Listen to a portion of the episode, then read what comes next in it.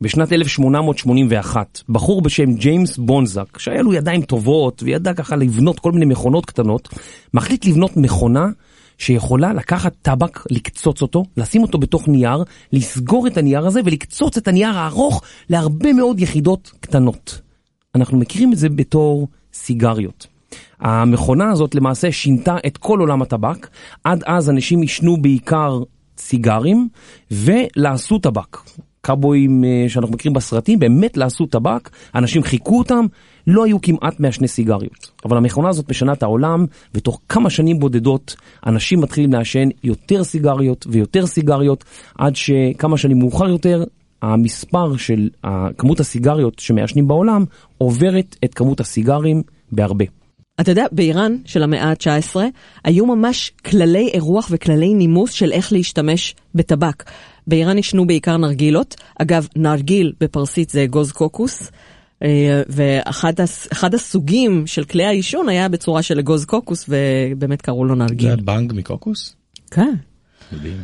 אז כאשר היית מגיע לבן אדם והוא לא היה מציע לך נרגילה, זה אומר שזה לא זמן טוב. אם זה כן זמן טוב, הוא מציע לך נרגילה, אחר כך הוא מציע לך שוב נרגילה, בפעם השלישית זה סימן שאתה צריך ללכת. ואם זה אורח שעלול לא להבין את הרמז, אז רק המארח מקבל מהמשרת את העליון שלו, את הנרגילה שלו, לוקח שלוש שחטות ואומר למשרת תודה ולא מציע לאורח. עכשיו, לפני שמעבירים מפה לפה, צריך קודם להוציא את כל העשן מהנרגילה, כי לא להוציא את כל העשן זה כמו שתיקח אה, כף מהפה שלך ותיתן לאורח. פויה. עוד פעם תעשי את זה כי זה תיקח. זה כמו שתיקח כף מהפה שלך ותציע לאורח. אבל נרגילה.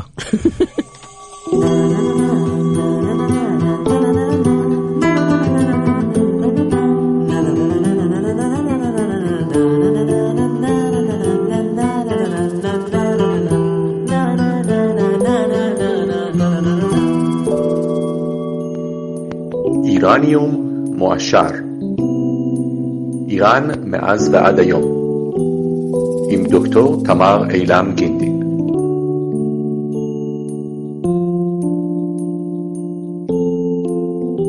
שלום. אז שלום, אה, תמר אילם גינדין, דוקטור. שלום אה, עידו קינן, ונעים מאוד שוב להתארח באולפני פודקסטיקו. ושלום לאורח המכובד שלנו, יובל מלכי, מקטעים בהיסטוריה. שלום, שלום. קטעים בהיסטוריה. מה זה? איזה קטעים איזה קטעים, איזה קטעים. איזה קטעים. אני חושב על הטכנולוגיה שאתה מדבר עליה, ואז אני אומר, יש עכשיו את הסיגריות אלקטרוניות. כן. וה... ומעניין אם זה יעשה את אותה מהפכה ו... ויהיה יותר אנשים שמעשנים סיגריות אלקטרוניות מאשר אנשים שמעשנים טבק, ואם זה יהרוג את תעשיית הטבק. היום חברות הטבק הגדולות בעולם עובדות על מכשירי אידוי, שאתה כבר לא צריך להכניס עשן לתוך הזה, אלא רק את הניקוטין. ואז כאילו כן, זה אז, יותר אז, בריא. אז מגדלי הטבק יסבלו, אבל חברות הטבק ימשיכו להתפרנס כי הם פשוט יעברו לדבר הבא. כן, טוב, על זה נדבר בפרק אחר. היום אנחנו בעצם הולכים לדבר על uh, טבק. פרק ו... מסריח. פרק מסריח, למרות שלא בכל ההיסטוריה טבק תמיד היה מסריח, זה גם משהו מאוד חברתי, זה משהו מאוד כיפי שאתה הולך לחברים ויושב ומישהו מדליק נרגילה, יש בזה, um, אני לא מדבר עליי ועלייך. לך, לך, כן, אני, אני, אני בשלב הזה הולכת. אבל uh, לאורך כל ההיסטוריה אנשים עישנו לא רק טבק, אלא כל מיני דברים בנרגילות. ויש לי פרק שאני מספר בו על אה, נרגילות בארץ ישראל לפני כ-300 שנה, שאנשים אה, ישבו בכל מיני בתי קפה שרק צצו וקמו, ומבקר אירופי מספר שהוא הולך בבוקר ורואה בחור יושב בתנוחה מסוימת מעשן נרגילה, הוא חוזר בערב, ההוא באותו תנוחה בדיוק. לא זז. אז אה, הנרגילות האלה, כן, זה, זה, זה פרק מרתק, אבל היום דווקא לא נתמקד בארץ ישראל, אין לנו כמה סיפורים. גם אלא... לא נתמקד ממש בעישון עצמו, אלא במה שמסביב. נכון, ואנחנו נראה שטבק גרם לשינויים מטורפים בעולם. בעולם, ובפרט באיראן, כי זה מה שחשוב בעולם. אז אה, אולי לפני שאנחנו ככה מתחילים וצוללים לתוך באמת הסיפורים המרתקים, אה, עידו, אתה יכול לספר לנו משהו על האולפן שאנחנו מתארחים בו, בפודקאסטיקו? אה, אני חושב שאני אתן לעומר לספר. לא, עומר סנש הסאונדמן הגאון שהקים את האולפן הזה ומטפל בכל העניינים הטכניים, אבל לא אוהב לדבר ברדיו. למעט אם זה בתחנות כמו גלגלצ ורדיו הקצה, אני חושב שאנחנו עוד לא ברמה שלו. זה נכון? אז בוא, אני אשאל אותך עוד פעם, אני אשאל אותך עוד פעם.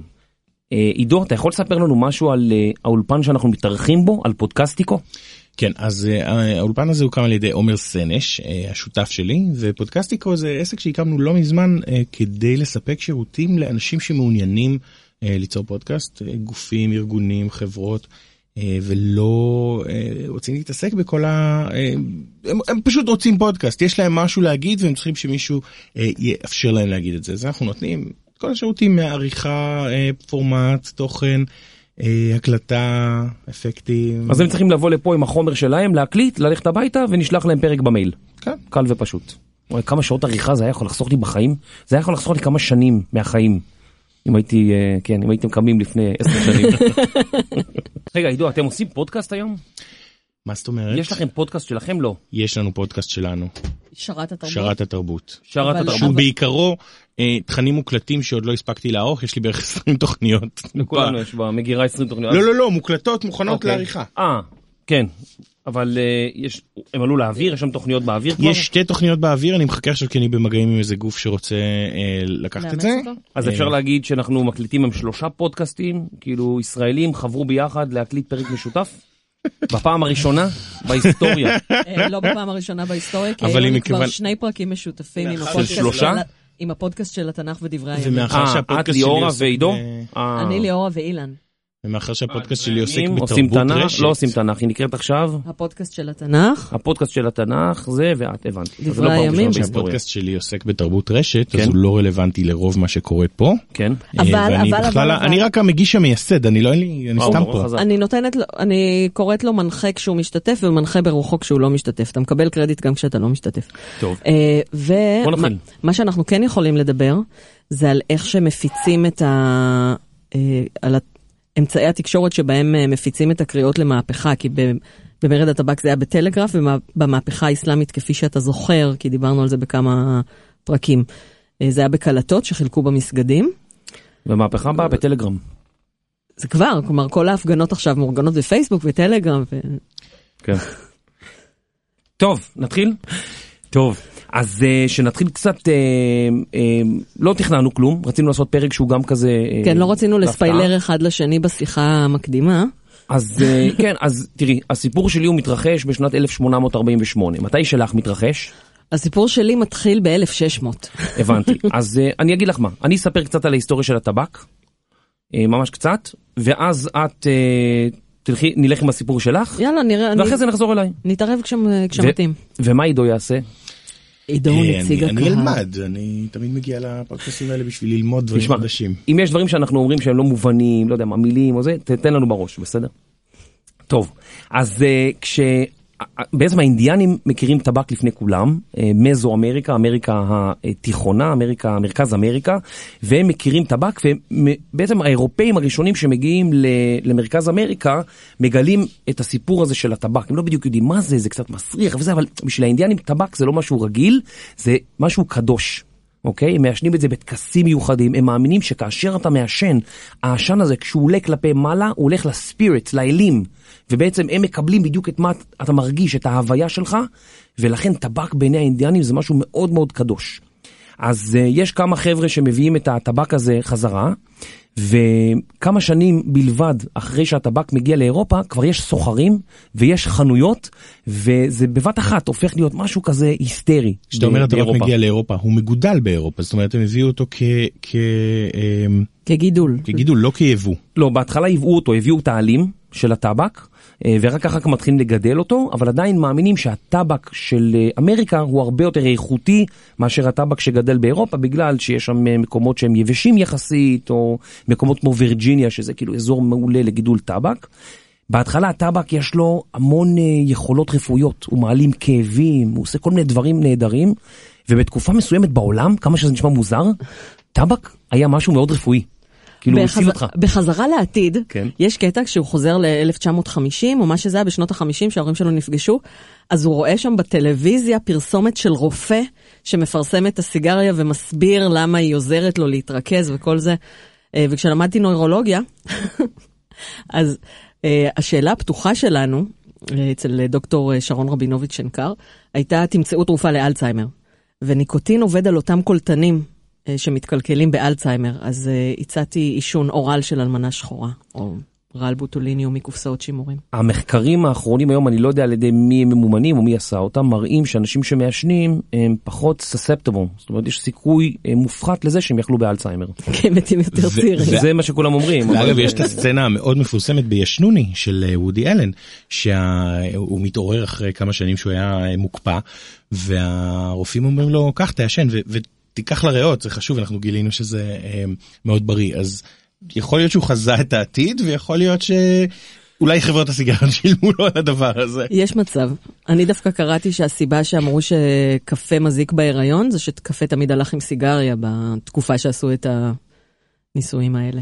אז- בואו נחזור. אוקיי, אז הטבק מגיע לאירופה, הוא מתפשט די מהר, אה, בהתחלה קוראים לו עשב המלכה, כי זה נחשב למשהו מאוד אה, אה, מדיצינלי, מאוד רפואי, ושנים מאוחר יותר, כן, כבר יקראו לו עשב השטן, כן, כי כבר יודעים ש... אה, הדיאבולו מעורב, יודעים שזה כבר משהו מאוד ממכר ומאוד קשה להפסיק. תזכירו לי אם אני אשכח לדבר על הקטע הזה של אנשי דת ודתות, וכן. אה, מה להזכיר לך? לדבר על אה, ההתייחסות של אנשי דת לטבק. אה, מעולה. מעולה, מעולה. וכשהטבק מגיע אה, בעצם לאימפריה העות'מאנית אה, מתישהו במאה ה-16, גם רופאים שם פתאום מגלים שהוא יכול לעזור לכל מיני דברים וכל מיני מחלות, אנשים מעשנים אותם. אה, יכול להיות שגם לכאבי בטן מסוימים וגם לעייפות, כל מיני דברים, הם אומרים שהוא דבר נהדר. אבל באותו זמן כבר מתחילים לצוץ דברים אחרים, אנשים אומרים, רגע, זה מסריח, זה גורם לכל מיני כאבים בכל מיני מקומות, זה גורם לסחרור בראש, הרגשה לא טובה, לא בטוח, ויש ממש ויכוחים אם טבק זה דבר טוב או לא. מה שאנחנו יודעים, כמו כל סם. כמו כל סם שהוא הופך להיות פופולרי, מאוד פופולרי, ואנשים משתמשים בזה ב- בכל המקומות. טבק גורם למשהו בארצות הברית, אה, באמריקות, שהוא לא נחשב טוב, הוא גורם לעבדות, כי מאוד קשה לגדל טבק, זה עונה מסוימת, וצריך להוציא אותו בדיוק בזמן, ויש המון עבודה אחר כך. וככל שאנשים באירופה מתחילים לצרוך יותר ויותר טבק, יש דרישה לטבק יותר גבוהה. ומתחילים אה, להבין שסתם לקחת עובד ושהוא יגדל את הטבק זה לא רווחי, מבינים שהעבדות היא דבר נהדר לגידול טבק, וככל שאנשי אירופה צורכים את הטבק יותר ויותר, האנשים בארצות הברית, בעיקר בדרומה, מתחילים אה, להעסיק יותר ויותר עבדים, והעבדים האלה בעצם מגדלים את הטבק שמעשנים באירופה. אז העבדות בארצות הברית היא בגלל הטבק. היא במידה רבה כלומר, בגלל הטבק, כן, אוקיי. בהחלט, בהחלט. והטבק, ולכן גם אה, מלחמת האזרחים, בעצם. אה, מלחמת האזרחים, אה, כן, זה משהו קצת אחר. מלחמת האזרחים, איך אמר, לינקולן אומר, כן, לינקן, אברהם לינקן אומר בסוף המלחמה, ממש בסוף, We are not fighting to free the slaves, we are fighting to save the union. כן, אנחנו לא נלחמים לשחרר עבדים, נלחמים להציל את האיחוד בין הצפון והדרום. זה בסוף, החליטו כן, שאין מה לעשות, הם חייבים לשחרר גם את העבדים. זה לא, היה, לא בגלל זה יצאו למלחמה, אה, רק שתביני שכאילו עם כל הכבוד לעבדים וקדמה, לא היה תוכנית ממש לשחרר את העבדים אה, שנה לפני המלחמה. אבל בסדר, זה מלחמות גורמות לתהפוכות אה, גדולות בעולם. זהו, ובעצם אה, טבק הפך להיות משהו מאוד פופולרי, בשלבים מסוימים הוא הפך להיות אה, כמו כסף. אה, האינדיאנים למשל, שהטבק היה להם מאוד חשוב, לא היה להם כסף, אז הם עשו את כל המסחר שלהם בעזרת טבק, הם היו מחליפים כל מיני דברים תמורת טבק, וגם באירופה טבק היה לו משקל בזהב. והיו ממש מודדים את זה, והיו מחליפים סחורות בעזרת טבק. והשאריות של הדבר הזה נשארו בבתי כלא, כשסיגריות המטבע עובר לסוחר, כשאין כסף אבל יש צורך בסיגריות, אז משתמשים בהם לסחור, אנחנו רואים את זה הרבה בסדרות ובסרטים. כשההורים שלי היו כלא. נוסעים לרומניה בשנות ה-80, אז הם היו לוקחים סיגריות ומסטיקים וקפה בשביל אה, לשחד את ה... זה היה בתקופה הקומוניסטית, זה היה השוחד. כן. אה, דרך אגב, אני שומע עכשיו פודקאסט מדהים, שנקרא Ear Hustle. מי שיש לו אנגלית כאילו והוא יכול לשמוע את הפודקאסט הזה ממש מדהים. אה, אסירים בבית סוהר עושים פודקאסט וואו. בסן קוונטין, בית סוהר קשה. והוא אמר שם פעם שעוד היה אפשר לעשן בבתי סוהר, אז כאילו לא חקרתי את זה, אבל אני חושב שאסור להם לעשן היום. יואו. כן. אז זה, זה ממש אה, ימנע מאנשים להגיע לכלא. יחזיר אנשים למוטב. cruel cruel and unusual punishment. לא. לא לאפשר לאנשים לעשן. ישר חשבתי על תמר, שהיום היא יכולה ללכת לכלא בלי בעיה, לא מעשנים. אחלה. נדאג לזה בסוף איפה התוכנית. חותמים? יפה, טוב. אז אה, זהו, זה ככה קצת על ההיסטוריה של הטבק, טיפ טיפה. אה, תמר, בואי תספרי לנו מה קורה כשהטבק מגיע בעצם למזרח התיכון ולאיראן. זה עכשיו, לא ברור מתי הטבק הגיע לאיראן, כי התאריך הרשמי הוא 1600, אבל יש משורר שמזכיר אותו עוד ב-1550. אנחנו מדברים עכשיו על התקופה של אה, השלטון הספווי, השושלת הספווית, שהם גם אלה שהביאו את האסלאם השיעי לאיראן, לפני כן איראן הייתה סונית. ממתי, רק תני לנו timeline, לאלה שלא מכירים את איראן. השושלת הספווית עולה לשלטון ב-1501. ילד בן 14 בשם שאה אסמאעיל הראשון, הוא זה שהופך את איראן מסונית לשיעית. אוקיי. אה, ילד ג'ינג'י בן 14.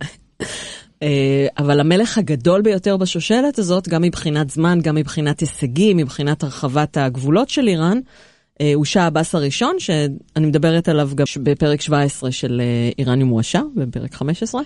תגידי, למי שלא מכיר את איראניום מואשר, את יכולה לתת 20 שניות על מה הפודקאסט? איראניום מואשר הוא פודקאסט שמביא את איראן למאזין הישראלי מכל מיני זוויות, יש לנו פרקים שהם פוליטיים, יש לנו פרקים שהם היסטוריים, פרקים שהם תרבותיים. הפרק האחרון היה פרק שפה עם שאלות מהמאזינים. פרק לפניו, פרק על השיעה עם אורי גולדברג, פרק לפניו, crossover משולש עם הפודקאסט של התנ"ך וההסכת אה, דברי הימים על דריווש הגדול. אז יש לנו מנעד מאוד והכל. גדול. אוקיי, אז בוא נמשיך. אז יש לנו בעצם את השושלת... אה, הספווית. הספווית שקמה באיראן. כן, ושאה עבאס הגדול מחליט להילחם בטבק דווקא. הוא, העונש אצלו על עישון טבק, אה, או על גידול, על גידול טבק, על התעסקות בטבק, זה מוות והחרמת כל הרכוש של המשפחה. אה, אבל הוא רואה שאנשים ממשיכים לעשן, הוא לא מצליח להילחם בטבק, אז הוא אומר, אוקיי, if you can't beat them, tax them. אה, ומטיל אה, מיסים מאוד כבדים על הטבק, ובעצם הטבק ככה הופך למקור הכנסה גדול, למקור הכנסה מאוד משמעותי אה, לבית המלוכה. אנחנו עושים fast forward למאה, למאה ה-19, במאה ה-19 אנחנו כבר מדברים על השושלת הקג'ארית, שזה סוף המאה ה-18 עד תחילת המאה ה-20. יש אות כזאת? קה. כן. איך, איך תעשי? קה. קה. קה, אבל מהגרון? כן, החך העליון. כן. נוגע, הרך נוגע בלמעלה, אני בדיוק הסברתי את זה אתמול בפרק. אוקיי. אוקיי. מעניין. אה, אז בית קג'אר, נסרודין שאה, אה, הוא המלך שמלך אחרי הרבה זמן בבית קג'אר, הוא זה שבתקופתו הגיעה הקדמה לאיראן. אה, הוא מלך בתקופה שאתה התחלת לדבר עליה, של אביב העמים. יחד, הבעיה היא שהקדמה מגיעה יחד עם אירופה, כלומר, הוא לא הביא את הקדמה מאירופה, הוא הביא את אירופה לאיראן. זה אומר שה, שהיו צרפתים ובריטים ורוסים ואנגלים ובלגים וגרמנים ששלטו בצבא, בכלכלה, ב, ברשת הכבישים, ברשת הרכבות, בטלגרף, הם גם הקימו את, הדבר, את רוב הדברים האלה, את כל התשתיות, אבל הם גם שלטו בהם. והם קיבלו המון המון זיכיונות, כי הקג'ארים, המלך הראשון שלהם כנראה היה מצביא דגול, הוא מלך שנה עד שהוא נרצח, ואז כולם זה בזכות קשרי דם, פחות כן. טובים במלוכה, הפסידו שטחים עצומים, בזבזו בזבוזים עצומים. זיכיונות, נפט יותר מאוחר, כל ונתנו, מיני כאלה. כן, אפילו לא יותר מאוחר, באותו זמן. כן. אה, נתנו מלא מלא זיכיונות, והאירופים בעצם אה, השתמשו באיראן כבשלהם. והיו כל מיני מרידות ככה קטנות או מחאות קטנות, אבל ב-1890, כאשר המלך העביר את שוק הטבק, נתן זיכיון, מונופול על כל הטבק במדינה אה, ללורד טלבוט הבריטי, זה היה הקש ששבר את גב הגמל. אנחנו רוצים לעשות פה אה, קליפהנגר או, ולעבור אליך או שלהמשיך? לא, אני רוצה לשאול שאלה. אה, היחס הזה, הקולוניאליזם הכלכלי הזה של אה, אירופה באיראן, הוא חלק מהיחס הוא חלק מהסיבה ליחס של איראן למערב היום? לגמרי, לגמרי. כשאני מדברת על מרד הטבק, אז בעצם הדברים שאפשר ללמוד ממנו, אחד הדברים שאפשר ללמוד ממנו, יש שני דברים, לקחים עיקריים. רגע, אבל רגע, אל, את נותנת את הלקחים של מה קרה? רגע, את הולכת לספר לא לנו עכשיו סיפור. קרה. לא של מה קרה, אלא של אפשר ללמוד מזה ומכל מה שקרה במאה ה-19, שהנופוזופוביה, נופוז זה חדירה של המערב לתוך איראן. הנופוזופוביה יש לה שורשים כבר במאה ה-19, כלומר זה לא משהו שהתחיל במהפכה האסלאמית, זה משהו שאפילו אפשר להגיד הביא את המהפכה האסלאמית, שאחת הסיסמאות שלה הייתה נשארי נקרבי ג'ומהורי אסלאמי. לא מזרחי, לא מערבי, רפובליקה אסלאמית. אנחנו רוצים אסתרלל, אזדי, זה עוד עצמאות. סיסמה. עצמאות, חופש. אה, אז הנופוזופוביה הזאת, יש לה שורשים מאוד מאוד קדומים. ומרד הטבק היה אחד הדברים שהראה לעם בעצם את הכוח שלו. שהעם יכול אה, לשנות החלטות ולעלות למלך שלו הרבה הרבה כסף. רגע, אז שנייה, אז בואי תספרי לנו מה, איך זה מתחיל הסיפור הזה.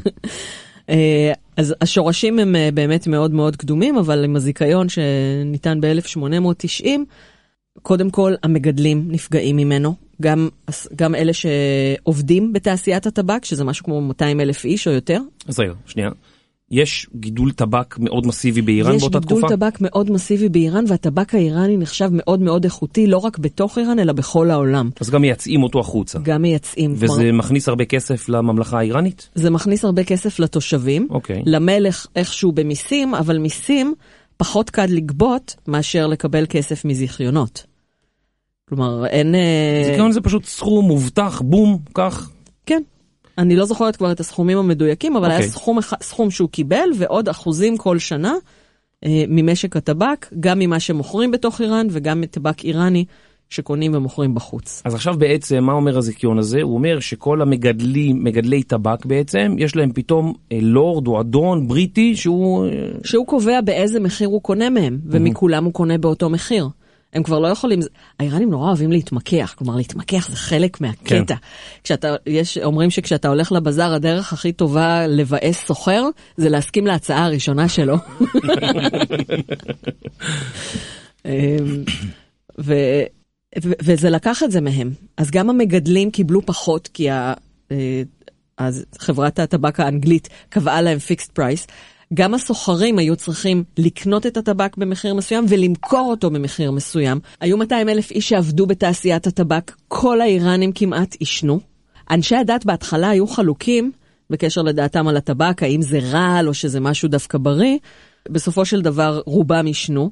האדמות שעליהם גידלו את הטבק היו אדמות של הוואקף, של הוואקף, כלומר היו שייכות אה, לאנשי הדת, אז גם היה להם איזשהו אינטרס. הנשים בהרמון עישנו, כולם עישנו. ואתה דיברת קודם על החוויה האלוהית שהייתה לאינדיאנים כשהם עישנו טבק, אז אה, גם, בכתב, גם בכתבים איראנים מתואר שהם היו מתמסטלים מזה, קראו לזה כיף. אז זה, זה באמת מעניין, את יודעת שמבקרים שמגיעים למזרח התיכון מספרים לא פעם ולא פעם, לא פעם ולא פעמיים שהם רואים נשים ששותות קפה ומעשנות בדיוק כמו גברים, ואפילו מבקרים שמגיעים לכאן מספרים על נשים בדואיות שמעשנות כל היום ולא מסוגלות להיגמל מההרגל. כן, אגב, היו... נכון שהבדואים מודדים את המרחקים, מודדו מרחקים אה, בסיגריות. כמה סיגריות לוקח ל... אה, להגיע ממקום למקום? אתה מכיר את ה... לא מכיר. לא זכרתי שזה של בדואים, אבל אני חושבת שנתקלתי באמת כאילו במרחק כך וכך לא- סיגריות. כשאתה לא במקום שאתה יכול לבדוק באמת מה השעה, אז אתה, אה, אתה מודד את המרחק בסיגריות. אוקיי, אנחנו נבדוק את זה עוד רגע. אונליין, נבדוק את זה. לו רק היה איזה מחשב גדול בשמיים שיודע דברים ואפשר לשאול אותו. כן. האם, האם, אתה, האם אתה מאמין בגוגל? האם אתה מאמין בגוגל? בדיוק סיפרתי, סיפרתי לחבר'ה שאני מרצה לפעמים בדיור מוגן ובאים אליי אנשים אחרי זה ואומרים, תגיד, אתה, מאמין בגוגל? אני חושב שזו שאלה כל כך נפלאה, כי היא מזקקת את התפיסה שלנו על מה טכנולוגיה יכולה לעשות ומה הכוחות שלה. וכש... אה, אה, נדמה לי, אני לא זוכר את העתידן, הכותב מדע בדיוני שאמר ש... ארתור סיקלרק נדמה לי, שאמר שטכנולוגיה אה, כשהיא טובה היא לא פחות מקסם, היא נראית נכון, כמו קסם. טכנולוגיה שאי אפשר להסביר אותה היא כמו קסם, נכון. וזה, אני חושב שגם בעיניי, שאני כאילו משתמש בגוגל הרבה שנים ואני לא חדש לטכנולוגיה, זה קסם. לא, אני מאמינה, אני מאמינה בגוגל, אני לא מאמינה לכל דבר שאני קורא, מוצאת בגוגל. מה, לא? אגב, הייתי עכשיו בתערוכת גמר בשנקר, ואחת הסטודנטיות עשתה אה, עבודה שבה היא, היא בעצם מראה שהרבה מהדיבור של אנשי הטכנולוגיה על טכנולוגיה היא אה, אה, דומה לדת, זה מין הבטחה כזאת לחיים טובים יותר, אז היא בנתה פשוט מין מקדש פייסבוק. אה, נכנסת ויש שם כל מיני משפטי מפתח כאלה של, את יודעת, כל, כל הדברים העתידניים האלה וה... אה, אה, והאח הגדול צופה בך, כאילו יש... האוטופיים של, כן, אבל זה עדיין דת, זאת אומרת, אנחנו עדיין צריכים, אנחנו כפופים למישהו שנמצא מעלינו. מרק צוקרברג. זה מדהים לראות אנשים שרואים נגיד גוגל הום בפעם הראשונה, שאני מראה להם כאילו בהרצאות, לפעמים אני מראה גוגל הום. אה, אנשים שמכירים טכנולוגיה, יש להם טלפון, יש להם ווייז. פתאום רואים את הבית שלהם. זה מלחיץ. לא, לא רואים, זה, זה שם, את מדברת איתו והוא עונה לך, גוגל הום. Mm-hmm. אבל סתם, אני יכול לשאול אותו שאלה הכי פשוטה, ותוך פחות מ... לא יודע מה, חצי שנייה, כאילו, טאק, הוא ישר עונה לך חזרה, והם כזה, העיניים שלהם נפתחות, הלסת נופלת, הם לא מבינים איך, איך זה יודע לענות כל כך מהר, איך זה מבין אותי, איך... זאת אומרת, לפעמים טכנולוגיה שלנו, כאילו, לחבר'ה היותר צעירים אולי, נראית מאוד אינטואיטיבית, מאוד ברורה. קחו אנשים 15 שנה, 20 שנה קדימה, ומסתכלים על זה כמו איזה קסם, כמו איזה נס, כמו, הם כאילו, לא משנה אם אני אראה להם, לא יודע מה, חללית שטסה וזה, הם רואים את הגוגל הום, הם משתגעים. אני, אני לא רוצה להגיד שמות, אה, אבל אה, דיברתי פעם עם בן משפחה מבוגר שרצה להסביר לי כמה הוא חשוב, אז הוא אומר לי, "כן, אני יושב בגוגל, את יודעת.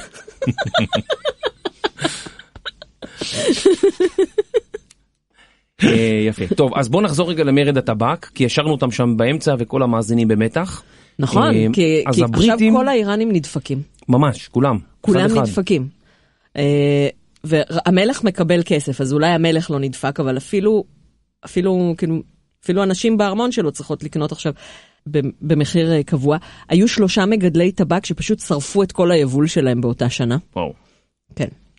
אה, העדיפו את זה מאשר למכור, היו כל מיני מחאות. אנשי הדת בהתחלה היו חלוקים, אבל בסוף איש הדת הבכיר אה, בשם אה, מירזה שירזי, משירז, מוציא פתווה בדצמבר 1891, שאומרת שטבק שעבר דרך ידיים זרות הוא חרם. חרם. חרם. כי גם אסור לאנשי אנשי זה דת, טבק נסך. לא, כי אמנם אנשי דת כן עישנו, אבל, אבל אסור להם לעשן נגיד, אה, ל- לעשות פה לפה בטבק עם, אה, עם כופרים. אסור לחלוק נרגילה עם כופרים. אסור לחלוק נרגילה עם כופרים. אגב, בהאים וזורואסטרים עדיין אה, אסרו על שימוש בטבק, אבל מוסלמים... אסור להם כן. לעשן בכלל, נכון? כן. לפי, לפי החוקים של הדת, כן? זה כמו שלנו אסור. לנסוע בשבת. באמת? אמ, אז הוא מוציא פתווה שזה חרם, וכל המדינה מפסיקה לעשן. מדינה שלמה שכולם בה עישנו, שכולם מכורים לעישון גם. מעשנים מכורים כן. לעישון. ברמדאן, ואז נפתחה הם- המלחמה הראשונה, כי הם- פשוט היו נורא עצבנים. הם, הם, תיארו, הם תיארו את זה, אוקיי? שכשאנשים היו שוברים את צום הרמזן, הם היו לוקחים סיגריה לפני שהם היו לוקחים אוכל. כלומר, זה היה... זה הגיוני. זה הגיוני. אני יודע, אני- פשוט יום כיפור, אני יודע אנשים שמעשנים לפני שהם אוכלים, כאילו... אז כן, מכורים, כן. אז, אז אה, כל, ו, וכל אלה הפסיקו לעשן. וואו. עכשיו, מה שיפה, רגע, אבל שנייה, אני אני רק רוצה להבין, הרי באיראן כולם באותו זמן לא מאוד דתיים. כן, מה קרה לך? אוקיי, בואו נעשה סדר. בבקשה. אנחנו נורא אוהבים להגיד, מה קרה לאיראן? היא הייתה כזאת מדינה פתוחה למערב, ואירופית ומתקדמת. אני עושה עכשיו כזה עם העין למאזינים. בשנות ה-40 היה אה, אינטלקטואל בשם אחמד קסרבי, שאמר איראן צריכה לתת לאנשי הדת את השלטון כדי להבין כמה האסלאם הוא רע. השלטון היה חילוני יחסית, אנשי הדת היו ככה בחשנים, אבל אה, השלטון רצה להביא את הקדמה, העם היה מוסלמי אדוק. אה, ממש באחוזים מאוד מאוד גבוהים את מדברת? בסביבות 1900? אני, אני אתן לך דוגמה מהתקופה של רזה שאה, שזה אבא של השאה, שהודח ב-1979. רזה שאה היה זה שרצה להביא את המערב לאיראן. קודם כל הוא שינה את השם החיצוני של המדינה מפרס, שזה השם של האויב של המערב, כי אצל היוונים הם מדברים על האימפריה הפרסית, לאיראן, שזה השם הפנימי של המדינה, שככה תמיד קראו לה, שזה ארצם של הארים, כדי להדגיש את הקרבה בינינו לבין המערב. הוא אסר על גברים ללבוש לבוש מסורתי, את האממה על הראש, את ה, מה שנקרא מגבת על הראש. אפשר לראות בפרק 22 שלנו את אה, אורי גולדברג חובש כזה, אה, ואת השמלות האלה של אנשי הדת. במקום זה, הוא הכריח את הגברים ללבוש חליפות ולחבוש מגבעות. זה הסתיים ב-1935, יוני 1935, במרחץ דמים במסגד גוהלשד, כי האנשים רצו להתלבש בלבוש מס- מוסלמי מסורתי, ו... חליפה ועניבה בחום הזה זה באמת משהו שיכול לא להוציא- עניבה, עניבה עד היום לא. אה, ב-1936 הוא אסר על נשים להסתובב ברחוב עם היג'אב. כל הנשים עד אז הסתובבו ברחוב עם היג'אב.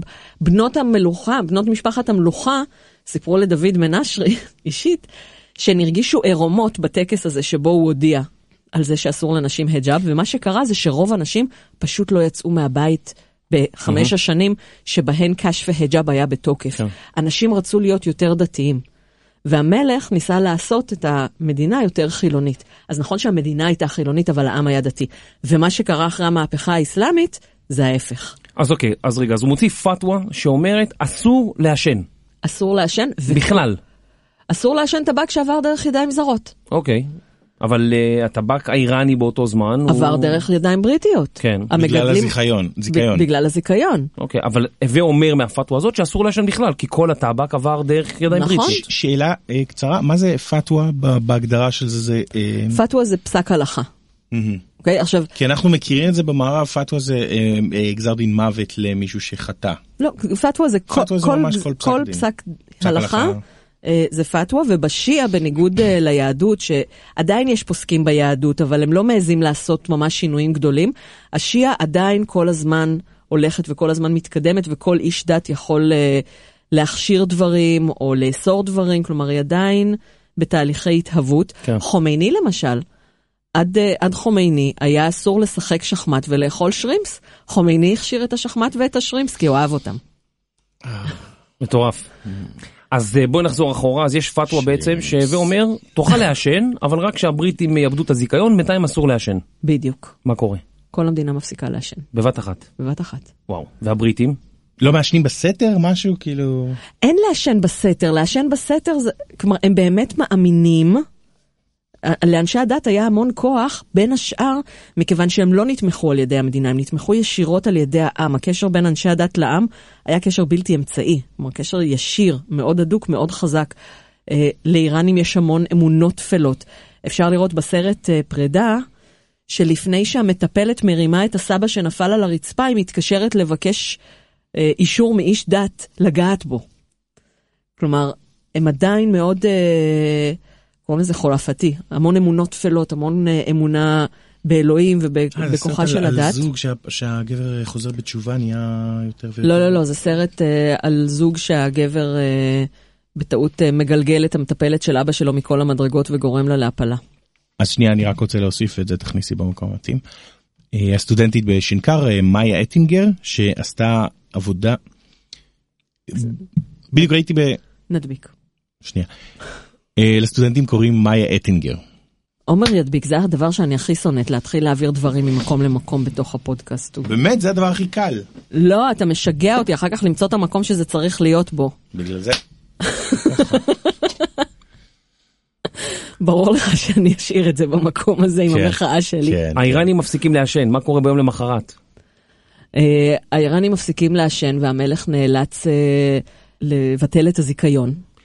כי, כי הבריטים כבר מפסידים, הבריטים... כמה זמן אבל? תוך כמה זמן? זאת אומרת, בהתחלה ניסו איכשהו לשבור אותה? לא, לא, לא, כלום. לא, לא היה לעשן, לא היה עניין של לעשן בסתר, לא היה עניין של... הוא הבין, אחרי כל המחאות שהיו, ש... שזהו, שכבר אי אפשר להילחם בדבר הזה. והמלך מבטל את הזיכיון מבטל הבריטי? את הזיכיון הבריטי, וזה עלה לו, או למשלם המיסים האיראני, חצי מיליון לירות סטרלינג, ואנחנו מדברים על 1891. כמה זה היום? את יודעת להגיד? אה, אני לא יודעת להגיד, אבל אה, בסיור שעשיתי באנגליה, סיור בעקבות הביטלס, אז כשג'ון לנון לקח חמישה פאונד, או חצי, או חצי פאונד על שימוש בשירותים ציבוריים, זה כמו 25 פאונד היום. וזה אנחנו מדברים כאילו משנות ה-60 לעכשיו, אז תחשוב כמה זה היה... יכול להיות פי 10, פי 20 אפילו, זה סכום אה, מאוד נכבד, כאילו עשרות אה, מיליוני אה, כן. לירות סטרלינג היום, משהו כזה. כן, מדהים, ו... ולמחרת, ברגע שמבטלים את הזיכיון, כולם חוזרים לעשן. באמת, הם היום, לא ניצלו את זה כדי להיגמל. היום באיראן, כמות המעשנים היא מאוד גבוהה. אה, יש הרבה מעשנים. אני, אני מודה שאני לא מאוד אה, מעורה ב- במספרים, אבל אה, הציעו, אה, היה לפני כמה שנים יוזמה לפתוח רשת של בתי קפה רק לנשים, כדי שהם יוכלו לעשן עם החברות ולא לעשן בנוכחות גברים. אה, אבל הרבה, הרבה איראנים מעשנים, כמו בכל העולם. מה? הפסקת? חשמל. בסדר, ההקלטה פה ממשיכה לרוץ. אה, יש גנרטור?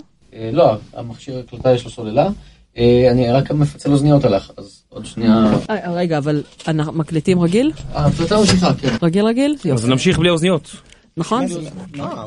לא, זה, זה טוב, דרך אגב, כשאתה מראה שיש, אני אשאיר את זה, כי כשיש תקלה טכנית אבל היא לא משפיעה על ההקלטה, זה מראה עוד יותר את האיכות שלכם. כן. בסדר. אוקיי, אז אה, אה, זהו, אז ב... באיראן של היום, כמו בכל העולם, כבר מודעים גם לנזקים של הסיגריות, אז, אה, אז זה פחות, זה לא, לא כמו במאה ה-19, זה לא ממש כולם. מעניין, מעניין. זהו, עכשיו, אני אמרתי קודם ש... שזה מראה על הנופוזופוביה. אה, אולי יש לך עוד משהו לספר על איטליה לפני שאני... כן. כן, אני רוצה לספר איתה לפני השני. שאנחנו נעבור הלאה, אני, כן. אני עדיין רוצה להישאר במאה ה-19 כי זה, זה המאה. אמ, אז בעצם אם אנחנו מדברים על איטליה ורוצים לספר את הסיפור של איטליה, אה, זה קצת קשה, כי איטליה באמת היא עוברת המון תהפוכות לאורך השנים, אז אנחנו נספר ככה בקצרה את הסיפור שיוביל אותנו למרד, ה... לא, לא מרד הטבק, אבל אה, תכף תשמעו בדיוק מה קרה באיטליה, סיפור מדהים, באמת סיפור מדהים.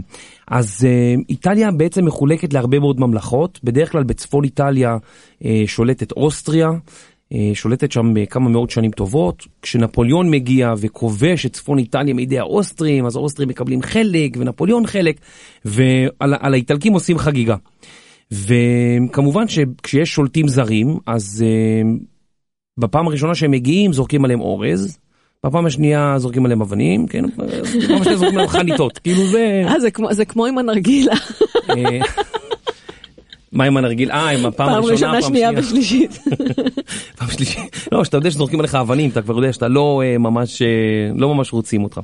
אז בעצם כשנפוליאון מגיע לאיטליה, ואוסטריה שולטת שם הרבה מאוד שנים, זה עושה משהו, זה מעורר פתאום את האיטלקים. פתאום האיטלקים אומרים לעצמם, רגע, האוסטרים שולטים עלינו, עכשיו באים הצרפתים, בהתחלה הצרפתים היו גיבורים והכל, אבל לאט לאט הצרפתים הטילו מיסים מאוד כבדים, ובזזו חלק מהאוצרות של איטליה, אז פתאום האיטלקים אומרים, רגע, גם אלה לא לטובתנו, גם אלה לא בעדנו, אז מי אנחנו?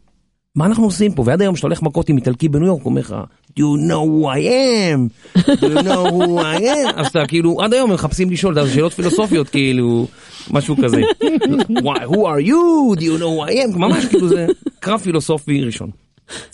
קרב אה, אקזיסטנציאליסטי. כן, אז בעצם האיטלקים מתחילים להבין שיש משהו דומה בין ממלכות שונות, גם בצפון איטליה, שמאוד שונים מאלה שגרים בדרום, אבל עדיין מתחילים לחשוב אולי על איחוד, אולי, אולי, אבל זה, זה עוד רחוק, זה כאילו עוד רחוק, זה עוד לא שם. ובסופו של דבר האיטלקים מקבלים אה, כל מיני אה, ככה הטבות אחרי שנפוליאון אה, מסתלק. בעצם מגלים את נפוליאון והרבה מאוד מדינות שכובשות אותו מחזירות לעצמן את השליטה. כשהאוסטים חוזרים, אז אומרים אוקיי, חזרנו לאיטליה, אין בעיה, אבל זה כבר לא אותו דבר. כן, אפשר לחצות נהר פעם אחת. האיטלקים מתעורר בהם איזשהו רגש לאומי. עכשיו בדרום יש לנו את אה, נפולי, יש לנו את סיציליה, את האי, ויש לנו גם את דרום איטליה, שפעם הם היו נחשבות לאותו אותו מדינה, אותו אה, נסיכות. אז, היו, אז באותו זמן, אה, מדברים על אזור 1815, הן נקרא, נקראות הממלכה של שתי הסיציליות. במרכז איטליה, על כל מרכז איטליה, שולט, שולטת מדינת האפיפיור. האפיפיור יש לו צבא, אה, יש לו אה, שכירי חרב שוויצרים, וגם צרפתים מדינת שעוזרים לו. האפיפיור, אז עוד לא קראו לזה ותיקן? לא, לא, שזה- זה היה מדינה ענקית, היא, היא, שלטה על אה, משהו כמו רבע מכל איטליה של היום. ממש שלטה וואו. עליה ועל רומא, לאציו, אה, אומבריה, כל המקומות האלה, וגם אפילו קצת צפונה, אזור סן מרינו של ימינו. אז אה, האפיפיור, האפיפיור שולט על חלקים נרחבים מאיטליה, מעליו יש את הדוכס של טוסקנה, ששולט על פירנצה. מעל. האפיפיור? מבחינה גיאוגרפית. אה, אוקיי, לא, במפה. כאילו, לא, צפונית לא. אוקיי, כי מבחינה שלטונית רק אלוהים. אה, כן, אבל אה, לא, האפיפיור שם הוא נלחם על השטחים שלו והכל, ויש לנו עוד כל מיני, יש לנו את אה, ממלכת סרדיניה ששולטת על האי סרדיניה, אבל נמצאת בעצם ממש בקצה המגף האיטלקי, למעלה למעלה למעלה, איפה, שה... איפה שקושרים את השרוך, כן? ממש צמוד לצרפת. אה, שם נמצאת טורינו, אז שם זה נקרא ממלכת סרדיניה, והם שולטים גם על האי סרדיניה, ויש עוד את פארמה, ויש הרבה מאוד ממלכות, ממלכות ונסיכויות, כמו שאת מבינה. אבל אמרנו, משהו קרה אחרי שהאוסטרים הלכו, הצרפתים באו והאוסטרים חזרו. האיטלקים כבר מרגישים שמגיע להם איזשהו חופש, איזשהו איחוד. הם מדברים שפה דומה לאנשים אחרים שמדברים איטלקית, יש ביניהם אחד משותף. ומתחילים לתת להם כל מיני, ככה בקטנה, ממש בקטנה, כל מיני דברים, אבל עדיין זה לא זה. אה, איטליה נשארת פחות או יותר אותה מדינה, גם ב-1830, קמות כל מיני אה, אגודות. אחת מהן נקראת הקרבונרי. כל, כל הזמן שאתה מדבר אני שומעת סרדינים, פרמיז'ן, ממש ככה. קרבונרה, נכון? זה הכל, כן. האוכל תמיד. הנסיכות פיצה, רגע, שנייה, אני רק... לא, אין לך. משהו עם בולונז שם. יש, בולוניה. כן, אבל אמרת? מגיעים עד לווינה לווינה שניצל. אוקיי, אז אני ממשיך. אז בתחילת המאה ה-19 בעצם קמה גם, אה, קמות כל מיני אגודות סודיות שהמטרה שלהם הם לאחד את איטליה. אחת מהן, תנועה מאוד מפורסמת, נקראת הקרבונרי, אה, באיטלקית מבעירי פחמים. אה, אז מה זה סודית- ספגטי קרבונרה? ספגטי קרבונרה? יש ספגטי קרבונרה, נכון? קרבונרה. זה עם... זה, קרבונרה זה עם בשר, לא? אני רושם את זה. אנחנו צריכים לתת להם תשובה על המדידה של המרחק של הבדואים, קרבן זה פחמן, נכון? זה כאילו... כן, או, או גחלים. פחם, פחמן. כן. כן, כן. אה, אז אני רושם פה ספגטי קרבונרה. אוקיי, אחרי זה אנחנו נמצא את זה. בגוף הפוסט אנחנו אה, ניתן כישורים לכל מה שאנחנו מזכירים ותשובות לכל השאלות שלא היו לנו אה, תשובות עליהן. לגמרי. אז מתחילות לקום כל מיני, מתחילים להקים כל מיני ארגונים וכל מיני גופים, ועדיין, תראי, איטלקייה פשוטה, מה עכשיו תצאי נגד האוסטרים שהם צבא גדול, מאורגן, זה לא הולך. וכל מיני אה, ירידות קטנות יש בכל מיני ערים, אבל בדרך כלל או האפיפיור אה, מכסח את הצורה לאנשים, או האוסטרים, או הצרפתים, או השוויצרים, כולם כולם, רק לא האיטלקים. ואז ב-1847 מתחילים אה, לבעבע באמת רגשות ב- באיטליה בעיקר של נגד האוסטרים. זאת אומרת, הם רוצים להעיף את האוסטרים משם.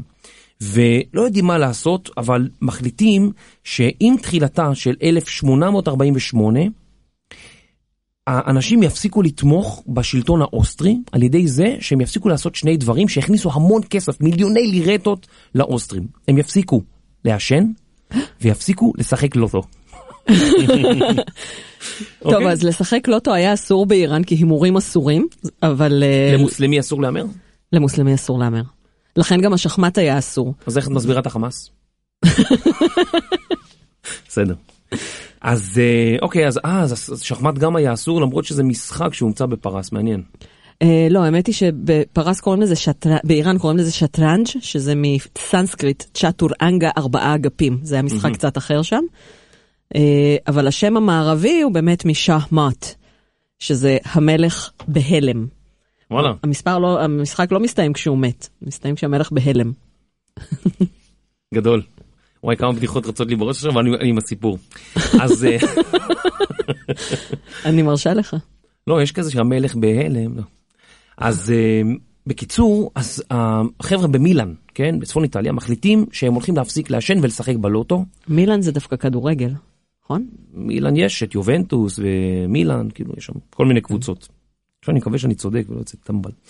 אז אה, בקיצור, אז אה, הם מחליטים, כן, אנחנו מפסיקים לעשן, מפסיקים לשחק אה, לוטו. עכשיו האוסטרים נכנסים לפחד, זאת אומרת, מה זאת אומרת אתם הולכים להפסיק לעשן ולשחק לוטו, כאילו זה הדברים שמכניסים לנו הכי הרבה כסף. והם אומרים, עזוב, אנחנו מכירים את האיטלקים, דיבורים, דיבורים, דיבורים, בסוף זה לא יקרה. מגיע הראשון בינואר, שני בינואר, לאט לאט פתאום רואים ב-1848? כן, 1848, האיטלקים במילאן, המילנזים, מפסיקים לעשן. פשוט יום אחד מפסיקים לעשן ולשחק בלוטו.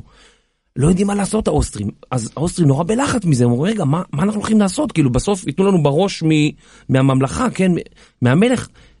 אז הוא אומר, אוקיי, בוא, בוא ניקח אנשים, נשלח אותם לרחוב, שיעשנו החיילים, ואז האנשים יראו את הסיגריות והם לא יאכלו יותר, אז הם יחזרו חזרה לעשן. אז יוצאים האנשים ומתחילים לעשן כזה ליד האנשים, הולכים ברחוב, זה לא עוזר. המילנזים לא מעשנים. אז הבחור שאחראי שם על, ה, על, אה, על הכוח האוסטרי בעיר, אומר להם, אוקיי, אנחנו נהיה יותר אגרסיביים, תלכו בחבורות של שלוש ותעשנו לאנשים בפרצוף.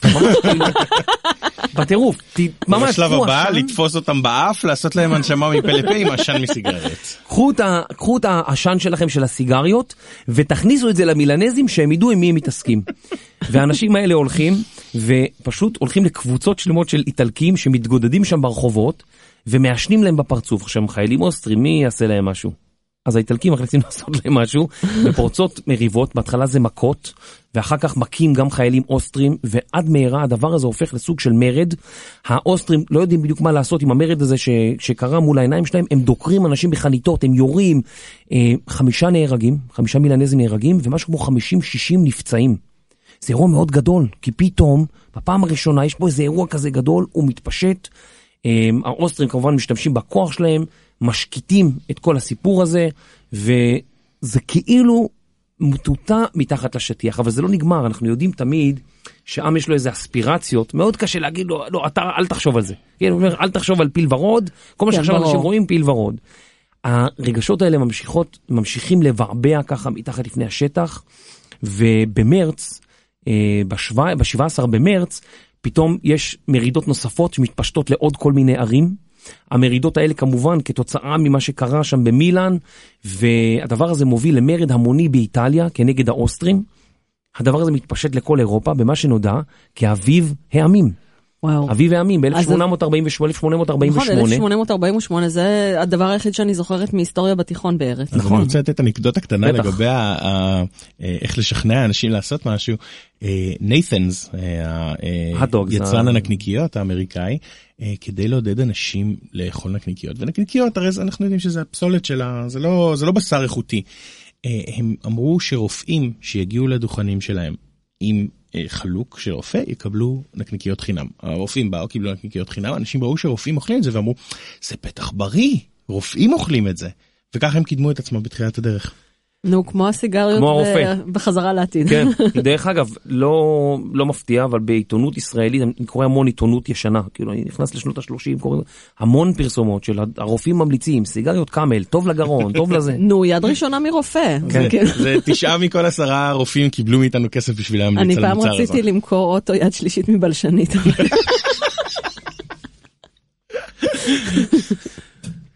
לא, תגידי אם היא דוברת פרסית. יש לו- כן? יש לו בעיה בדיפטונג אבל. לא, עכשיו זה כבר... אה, עכשיו זה כבר מנספחת התרבות הראשונה של ישראל באיראן החופשית. זה אז התואר זה שלי. נותן לך מקום חניה בתל אביב או? אה, בתל אביב לא, אבל מש- יש לי משהו שנותן לי מקום חניה בכל הערים האחרות. לא לא לשידור. אז uh, בקיצור, uh, אחרי מרידת הסיגריות uh, והעישון uh, uh, ב-1848 זה מתפשט אחר כך לערים איטלקיות, שלושה חודשים אחרי זה זה ממש כבר מתפשט לכל איטליה ולכל אירופה. אביב העמים זה, זאת הפתעה, זה מין מרד מאוד גדול שהתפשט הרבה מאוד מקומות ובסוף הם לא השיגו כלום. הכל חזר לקדמותו. אה. אבל, כמו שאמרתי קודם, דברים לא באמת חוזרים לקדמותם. זה לא אותו נהר. זה לא אותו נהר. ויש בחור אה, מאוד אה, מפורסם, שהוא שווה פרק בפני עצמו, גריבלדי, ג'וזפה גריבלדי, שניסה בהתחלה להקים איזושהי תנועה לאחדות איטלקית, וישר איך שגילו שהוא מקים תנועה, העיפו אותו מהמדינה, הוא ברח לדרום אמריקה. שם הוא, הוא עזר לאורוגוואים, הוא הפך להיות חייל בצבא שלהם, הפך להיות מפקד הצי, נלחם נגד הארגנטינאים. אז אמרו לבן אדם הזה שהוא איש של שתי העולמות, כי הוא נלחם גם באירופה וגם באורוגוואי, בדרום אמריקה. הוא חוזר אחר כך לאיטליה, הוא נלחם עוד כמה פעמים, המון קרבות, הוא כל מיני נגד האפיפיור ונגד הצרפתים ונגד האוסטרים, והוא מפסיד בחלק מהם, הוא מנצח בחלק האפיפיור? מהם, בטח, מדינת אה, האפיפיור הייתה לה זהו. שהאפיפיור מצד אחד זה מדינה, מצד שני כאילו שליט דתי. לא, זה מדינה עם חיילים, זה מדינה שכאילו... ואין אין להם בעיה להילחם בהם? כי אני... לא, מה פתאום, זה אויב. מה, הם שולטים על אה, מרכז איטליה, הם עושים מה שבא להם, לוקחים כסף, הם... אה, אז הוא לא, האפיפיור באותו זמן הוא לא, של, הוא לא סמכות דתית של כל הקתולים הוא בעולם? סמכות דתית של קתולים, אבל יש הרבה מאוד איטלקים שרוצים להעיף אותו. הוא, הוא לוקח, בוא, הוא שולט על שטח עצום מאיטליה. גריבלדי נלחם בו ונלחם בחיילים שלו, והאפיפיור נלחם חזרה. תראי, האפיפיורות זה לא מה שאנחנו מכירים היום, כן? מין בחור בכזה לבן והולך בזה. בוותיקן היו הכי הרבה בתי זונות בתקופות מסוימות. לאפיפיור היו ילדים אה, מחוץ לנישואים. כאילו, רגע, מגניב. אפיפיור? ילדים? איך? כן. צ'זרו בורג'ה, שלאונרדו דה וינצ'י אה, שנתיים שוהה אצלו, ושמקיאוולי כותב את הנסיך בעקבותיו, זה בן חורג של האפיפיור, שרצח את כל האחים האחרים שלו, טביע את אחותו בנהר. יש לך פרק על זה? יש לי פרק על אה, לאונרדו דה וינצ'י שאני אספר עליו. צ'זרו בורג'ה, כן. האפיפיורית יוהנה? סיפור האפיפיורית אמיתי? יוהן, לא ממה שידוע לנו. לא... באסה, זה אחלה סיפור.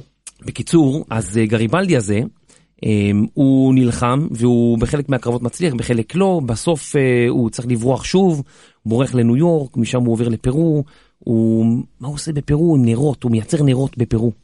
בסוף הוא חוזר, ובסופו של דבר, אחרי עוד קרבות ועוד קרבות, הוא הופך להיות איש מאוד מפורסם בכל העולם. אפילו אני מכירה את השם שלו. גריבלדי, אבא של איטליה, כן. וב-1860 הוא אוסף אלף מתנדבים שלבושים, כמו שסיפרו, בחולצות אדומות. הוא מגיע לדרום איטליה בחסות אחד הנסיכים מסרדוניה, והוא מתחיל פשוט לעלות באיטליה, לעלות מדרום לכיוון צפון, כובשים את כל איטליה, מאחדים את איטליה.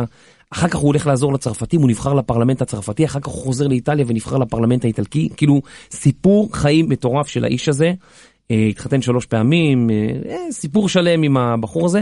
בסופו של דבר, אירופה, אה, פרץ הלאומיות הזאת, באיטליה לפחות, ב-1870 כבר אה, איטליה מתאחדת, וסיפור שהתחיל במרד פשוט שאומר, בוא נפסיק לעשן. מילאנו הפסיקה לעשן, ו... הפך, כן, מילאן הפסיקה לעשן, מילאן הפסיקה לעשן, זה הפך לאביב העמים זה בכל כמו אירופה. תורת הכאוס.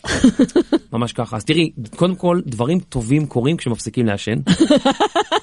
גם באיראן וגם באיטליה, נכון? אה, יפה, דברים טובים קורים כשמפסיקים לעשן, אני חושבת שזה יכול... שם הפרק. שם הפרק. כן. ואנחנו גם, תראו, בכלל, בוא נגיד רגע מילה על, על עישון, אנחנו מדברים הרבה על עישון וסיגריות, הרי אנחנו יודעים היום שמה זה לעשן, זה לקחת נעל לוחצת לשים על הרגל, וכל רבע שעה להוריד אותה ולהגיד, אה... זה מלחיץ אותנו הרבה יותר, ואז כשאנחנו משנים את הסיגריה, אנחנו חוזרים למצב של כל האנשים. נגיד, אתה הולך בסופר, מי האנשים שהכי לחוצים? אלה שמעשנים, כי כבר עבר רבע שעה והם לא יודעים מתי הם ישנים את הסיגריה הבאה, והם לחוצים והם צוחקים על הילדים. כאילו, זה המצב. זאת אומרת, מי שמתחיל לעשן, הוא הופך את עצמו לבן אדם הרבה יותר עצבני. זה לא שסיגריה מרגיעה. אז uh, רק, רק שנבהיר את, ה, את הסיפור הזה.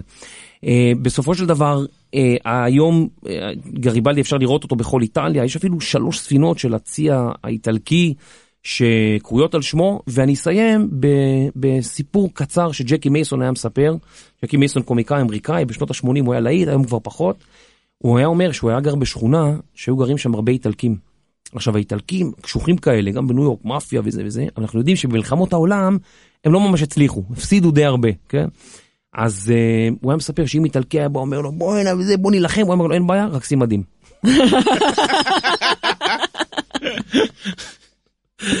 זהו, קיצור. זהו, אז אה, מרד הטבק אצלנו היה התחלה של אה, סדרה של... כשתמר אומרת אצלנו היא מתכוונת לאיראן. ברור. אני עונדת פרוור על צווארי, זה אומר שאני... מה את עובדת? מה את עונדת? מה זה? תסבירי. הדבר הזה רגע, שעל אני אסביר צווארי. לצופים, למאזינים. יש את זה מין התמונה. נשר. אנחנו גם נצלם את זה כדי שיהיה לנו... אה, פרוור זה סימן של ה... בכתובות העתיקות, כך מסומן האל האור המזדה, אבל מכיוון שאין לו גוף אז זה נחשב עכשיו נשמה של אחד האבות הקדמונים. בכל אופן זה סימן זורואסטרי, ואיראנים לאומנים שהם אה, נגד האסלאם, אה, עונדים את זה על צווארם, וככה בעצם כשאני מתראיינת נגיד בתקשורת, אני לא רוצה להגיד שאני תומכת בעם האיראני באופן, אני לא רוצה להגיד מפורשות, כי זה יכול להזיק למאבק שלהם, אבל בעצם זה שאני עונדת את זה, זה כבר אה, מראה הצהרה פוליטית. מזדהה עם העם האיראני ולא עם מז- השלטון. בדיוק. הסימן של המכונית מזדה זה גם כנפיים כזה, שזה קצת דומה לאהור המזדה, אבל זה קצת משחק מילים, כי למנהל של החברה קוראים מצודה.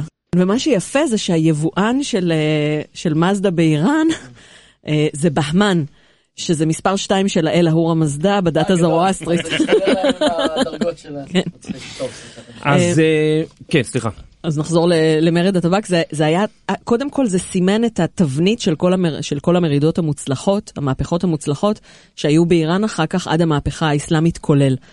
זה הובלה של אנשי הדת, זה אה, תמיכה מאוד גדולה, כמעט הובלה גם של אנשי הבזאר, וזה התגייסות של כל שכבות העם. כל המהפכות המוצלחות התאפיינו בזה. המהפכה המוצלחת הבאה, שהיא גם תוצאה ישירה של מרד הטבק, גם אחרי שאנשי הדת והעם הבינו, והבזריז, הבינו את הכוח שלהם. אה, וגם כשהם ראו שהם יכולים לעשות משהו נגד המלך, כי הקג'ארים נחשבו שושלת כושלת. אה, בוא'נה, אם לא נעצור אותה, היא יכולה עכשיו שלוש שעות לדבר על איראן. כן, לא שלוש, מה שלוש שעות? פה אה, 25 פרקים, אתה יודע. כן, כן, מטורף. היא- היא מחלקת אותם לפרקים רק. כדי שזה יהיה יותר קל לצרוך, אבל לא, מבחינתה אה, יכולה אז- לדבר. אז המהפכה הבאה הייתה המהפכה החוקתית ב-1905 או 6 או 7, משהו כזה. אה, שאחת המובילות של המהפכה החברתית הייתה הבת של אותו נסלודין שאה קג'אז', שאני חייבת לעשות עליה מתישהו פרק, טאג'ול סולטנה, אנחנו חצי מכירים מה אותה. שאת אומרת, אני לא מבין. שאה קג'אז' זה השם של המלך, וטאג'ול סולטנה זה השם של הבת שלו. סתם בצחוק. אלה שמות.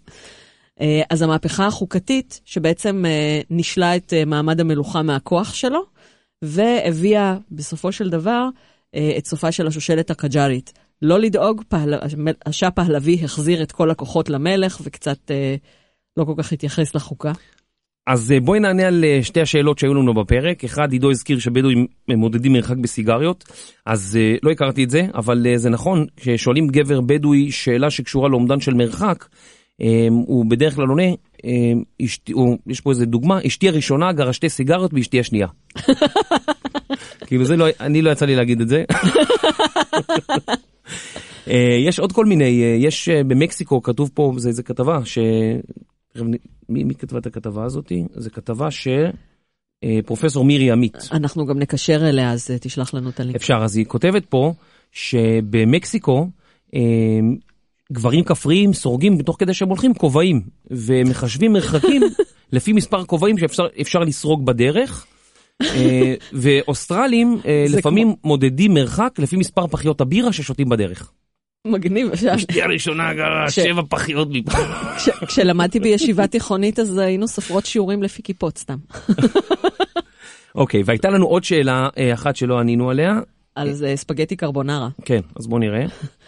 אה, האמת היא שקצת חיפשתי, וזה בכלל לא קשור לבשר. אני רואה פה מתכון עם אה, ביצים וחלב, כאילו, לא טבעוני בדיוק, אבל, אה, אבל בשר אני לא רואה פה. ואני לא יודעת למה קוראים לזה קרבונרה. אה, אה, קראתי על זה בוויקיפדיה בזמן שדיברתם. וואלה, אה, ספר לנו, מה זה? כמה, אה, אה, אחת האופציות זה שזה אוכל שקורי פחם היו אוכלים, אחת זה שהמילה קרבונדה נדמה לי, זה השם, זה המילה האיטלקית לבייקון, אה, וכתוב שם שזה לא לגמרי ברור מה מקור ה... אה, למה זה מגיע משם. כן, כמו חונקי כמרים, לא בטוח שזה חנק כמרים. כאילו, אבל יש כזה שם של פסטה. טוב, אז אה, וואי, היה לי ממש כיף, אחלה סיפורים. גם לי, אנחנו צריכים לעשות את זה עוד פעם מתישהו. ובואו נדליק, אה, לא. לא. מישהו פה מעשן? לא. טוב, אה, עידו, תמר, וואו, היה לי מאוד כיף. ובואו נביא עוד כמה סיפורים טובים וניפגש לעוד פרק. מעולה. תודה לפודקאסטיקו על האירוח, אה, אחלה אולפן, כיף מאוד אה, לשבת פה, עומר לידינו הטכנאי יושב ומשגיח שאנחנו עושים את הכל כמו שצריך. ואם גם אתם רוצים אה, להקליט פודקאסט, בלי להתעסק עם כל הטכניקה ואיך עורכים וזה וזה, רק לבוא, להקליט, לא ושיהיה רק לכם פודקאסט. גם אם יש לכם משהו להגיד ואתם לא יודעים איך, אז עידו עושה את כל ענייני התוכן, ועידו הוא אשף תוכן. תודה. תודה, אני רק אגיד, הכתובת שלנו היא podcasty.co ואפשר לפנות אלינו באימייל go at podcasty.co. לפני סיום אני רוצה להזמין אתכם לחבב את הדף איראניום מועשר הפודקאסט בפייסבוק ואף להצטרף לאיראניום מועשר הקבוצה ולהשתתף בקבלת החלטות מהחלטות שונות, כישורים יש בגוף הפוסט. אם אהבתם, אני מרשה ואף מעודדת אתכם לשתף עם איזו מילה טובה. אם לא אהבתם אפשר לשתף גם עם איזו מילה רעה, פרסום זה פרסום. ומי שרוצה להביע את הערכתו לכל מה שאני עושה בשבילכם, יכול לעשות זאת במגוון דרכים, תישארו עד הסוף, יש גיוון היום. אפשר לרכוש ספרים של הוצאת זרש ולעודד את חבריכם לעשות כמוכם. יש לנו שני ז'אנרים עיקריים, ספרי חנונים וספרי בישול טבעוניים. חלק מהספרים שנמכרים באתר הם לא של ההוצאה, אבל זו עדיין דרך להביע הערכה. אפשר ומומלץ גם להמליץ למנהלת הרווחה הקרובה אליכם או לוועד העובדים שלכם, לרכוש מאיתנו ספרים או שוברים כמתנות חג ויום הולדת. אפשר גם לשלב עם שוקולד של יער הקקאו. הדרך השנייה היא להזמין אותי להרצאות למסגרות שמשלמות היטב, והדרך השלישית היא פשוט לקנות לי קפה. תודה לאלה שכבר קנו לי קפה, היה טעים, מעורר ומחמם לב.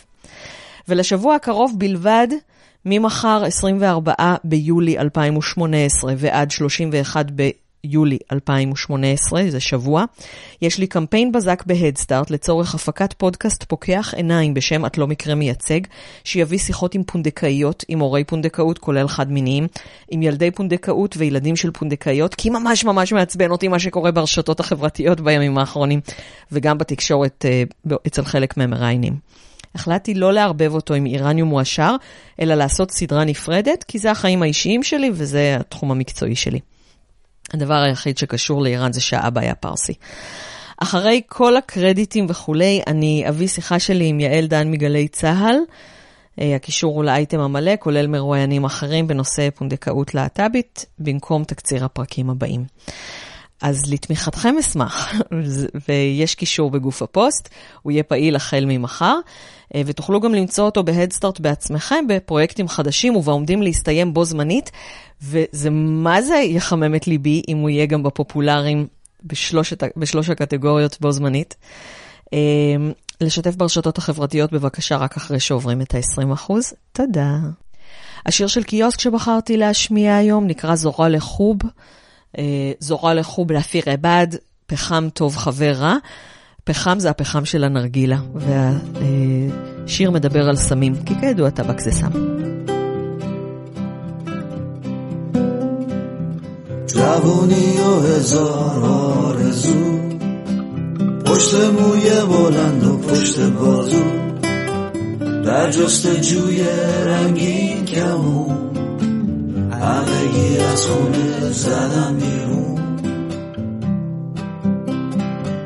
حرف از تقسیم آب و گندم فتح دروازه تمدن. صلح و دوستی دنیای ایده ها دنیای عاشقای بی خیال. یکی تو جمع خودشو یادش رفت. نابودش رو مجبور شد برگرده. یکی زد تو کاره خود شلوار و کاپشن.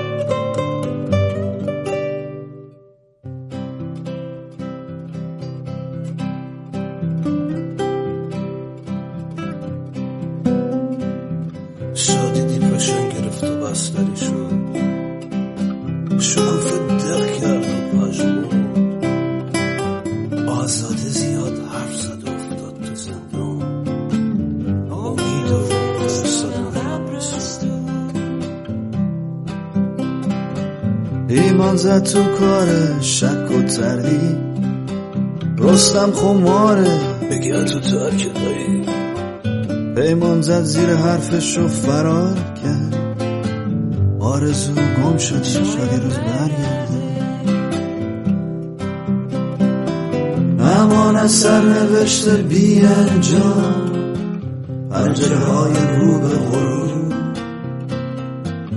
امان از این چاه بی انتها رفیق بد غال خوب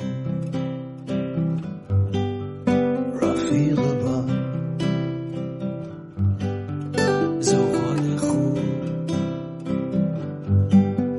زغال خوب אתם יכולים למצוא את הפודקאסט איראני מועשר בכתובת podcast.זרש.co.il אימייל ליצירת קשר איראניום at זרש.co.il ואם אתם רוצים אקטואליה איראנית מהמאה ה-21 תוכלו למצוא אותה בבלוג חדר 404 room404.net בטור של דוקטור תמר אלעם גינדין מהנעשה באיראן.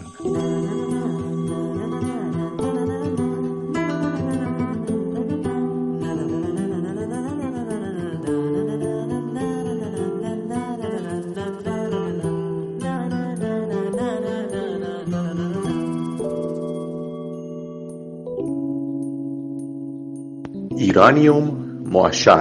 ההסכת, פודקאסט של דוקטור תמר אילם גינדין. מנחה, עידו קינן. פרק משותף עם קטעים בהיסטוריה של יובל מלכי.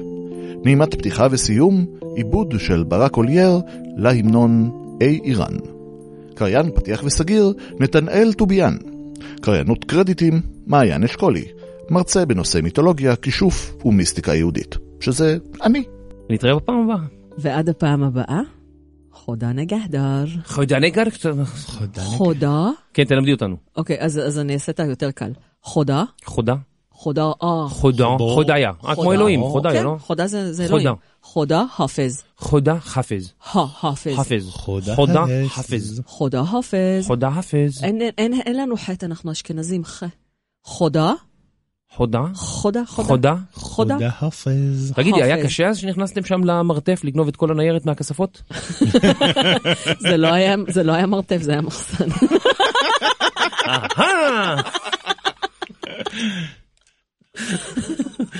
זה לא היה מרתף, זה היה מחסן ליד המכולת של אבו שיקרי. יפה. אה, את תערכי את זה? כן. יופי. מופק על ידי פודקאסטיקו. פודקאסטיקו. פה מפיקים פודקאסטים מעולים. פודקאסטיקו. בחסות Urban Place. upgrade your life's work.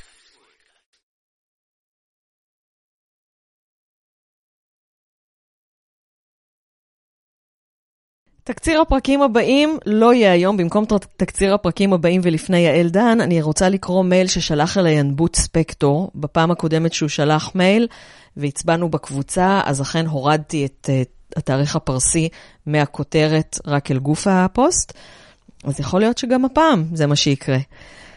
אה, ינבוט אה, כתב, ואני אשמח אם תתייחסו לכך בתגובות שלכם, אה, כאן ב- בפוסט או בקבוצת, בקבוצת הפייסבוק של מאזיני הפודקאסט. אני רק אומר שכבר הפרק הבא הוא שינוי בתוכניות. אה, ינבוט כותב, באיזשהו מקום הצטערתי שהאזנתי לחלק הזה של הפודקאסט. כמאזין לפודקאסט שלך ולפודקאסטים בכלל, אני אוהב לצפות לפרק החדש כאשר אני לא יודע מראש במה הוא יעסוק. יש איזו חדווה בלגלות במה עוסק הפרק החדש, רק שהוא צף בפיד כפרק שניתן להאזין לו באופן מיידי. כאשר יש נושא שבאופן מסורתי, וכנראה לגנותי, פחות מעניין אותי, אם אני יודע מראש שיהיה אודותיו פרק, אז זה יגביר את ההתנגדות שלי להאזין לפרק על אודותיו, כי יש לי על פניו מספיק זמן כדי לספר לעצמי כמה נושא X לא מעניין אותי. אם לעומת זאת חיכיתי כל השבוע לפרק, ורק כשהוא יוצא גיליתי שהוא נושא, עוסק בנושא שאני פחות מתחבר אליו, גדל הסיכוי שאזין לו לעומת המצב הקודם, כי בכל זאת, חיכיתי לפרק חדש וזה מה שיש. אז בואו ניתן צ'אנס, ואז כמובן מרוויחים, כי הרבה פעמים מגלים שנושא X דווקא מעניין מאוד. יש מצב שאני מייצג דעת מיעוט כמובן, ולכן אני שואלת גם אתכם.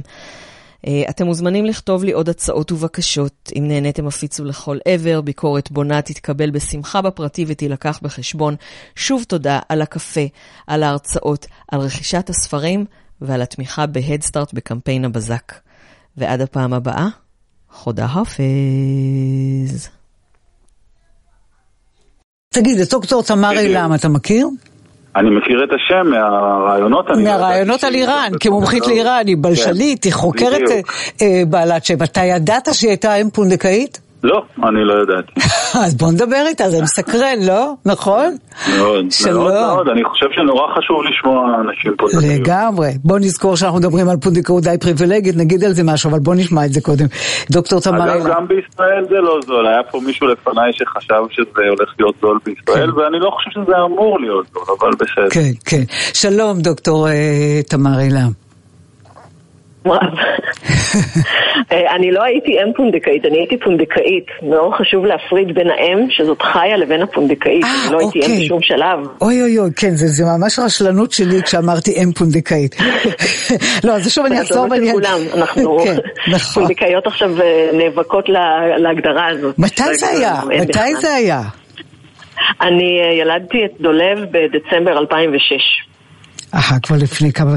כשאת אומרת אני ילדתי כן, דולב, זה אומר מה, את, את, את מלווה את הילד? את בקשר איתו? את, את בקשר עם, ה, עם המשפחה? אה, אני ראיתי אותו ארבע פעמים. כן. בגיל ארבעה חודשים, תשעה חודשים, ארבע שנים ואחת עשרה שנים. אה, ואני בקשר עם אימא שלו, ואנחנו כל הזמן אומרות, אנחנו צריכות להיפגש, אבל שתינו נשים מאוד עסוקות. אז זה לא יוצא מספיק. היית כבר אז, כשהחלטת להיות פונדקאית, היית אקדמאית, ברור שהנסיבות, ההחלטה על פונדקאות אצלך היא לא ממניעים כלכליים, נכון? כן, אני הייתי הפונדקאית הראשונה עם תואר דוקטור, הפונדקאית השנייה עם תואר דוקטור הייתה איתי בתיכון, ואני יודעת לפחות על עוד אחת. מה את... ואני חברה, ב... אני חברה בקבוצה של רק פונדקאיות, קבוצה סודית בפייסבוק. כן. ועשינו סקר איזה מקצועות יש לנו ואיזה או, השכלה. נו. יש המון פונדקאיות עם תואר שני, וואו. מנהלות, דירקטורית בחברה, אה, מנהלת אדמיניסטרטיבית של קיבוץ. כלומר, יש, לנו, יש שם אנשים באמת, אה, אני, אין לי עליי הרשימה עכשיו, אבל באמת רובן המכריע נשים מאוד משכילות. אה, רובנו גם לא עשינו את זה בשביל הכסף, או שהכסף לא היה המניע העיקרי. אני אמרתי, כאילו, זה אחלה לקבל על זה כסף, כן? אני גם נהנית להרצות ואני מקבלת על זה כסף. כן. אני נהנית ללמד פרסית ואני מקבלת על זה כסף. אה, אבל הרוב, גם אלה שהתחילו ממניע שהוא כלכלי, אה, מהר מאוד מגלות שהתגמול הכספי הוא נחמד, אבל החוויה וההעצמה והנתינה, והדבר, כמו לראות את, ה, את הזוג, זה חלק הרבה יותר גדול. תקחי אותי לשלבים ההם כשאת מקבלת את ההחלטה. קודם כל יש לך אה, ילדים, יש לך משפחה. אה, איך נולד, איך נולדת ההחלטה הזאת, הרעיון הזה, איך הוא נולד? אה, הרעיון הזה נולד לפני שהריתי את אה, בתי ענתי. אנחנו היינו בארצות הברית בשליחות דיפלומטית, ואחד הזוגות שהגיע לשליחות אה, היה, הגיע עם אה, מזוודה של עוברים קפואים. כי הם רצו גם לעשות פונדקאות בארצות הברית, ונורא רציתי להיות הפונדקאית שלהם, אבל הייתי צריכה לעשות לביתי.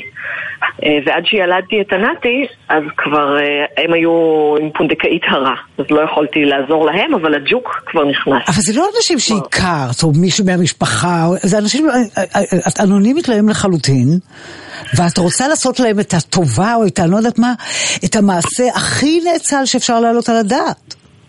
במודעה שכתבתי בפורום נעמת, כשכבר אה, יישמתי את זה, זה היה אחרי שנתיים של התבשלות, אה, אז במודעה כתבתי, אני מאוד אוהבת להיות בהיריון, אני מאוד אוהבת ללדת, אני דואגת לגוף שלי גם כשאני לבד בו, אבל לא בא לי עכשיו עוד ילדים. את כל המשאבים שיש לי, הכלכליים והנפשיים, אני רוצה לתת לשניים שיש לי.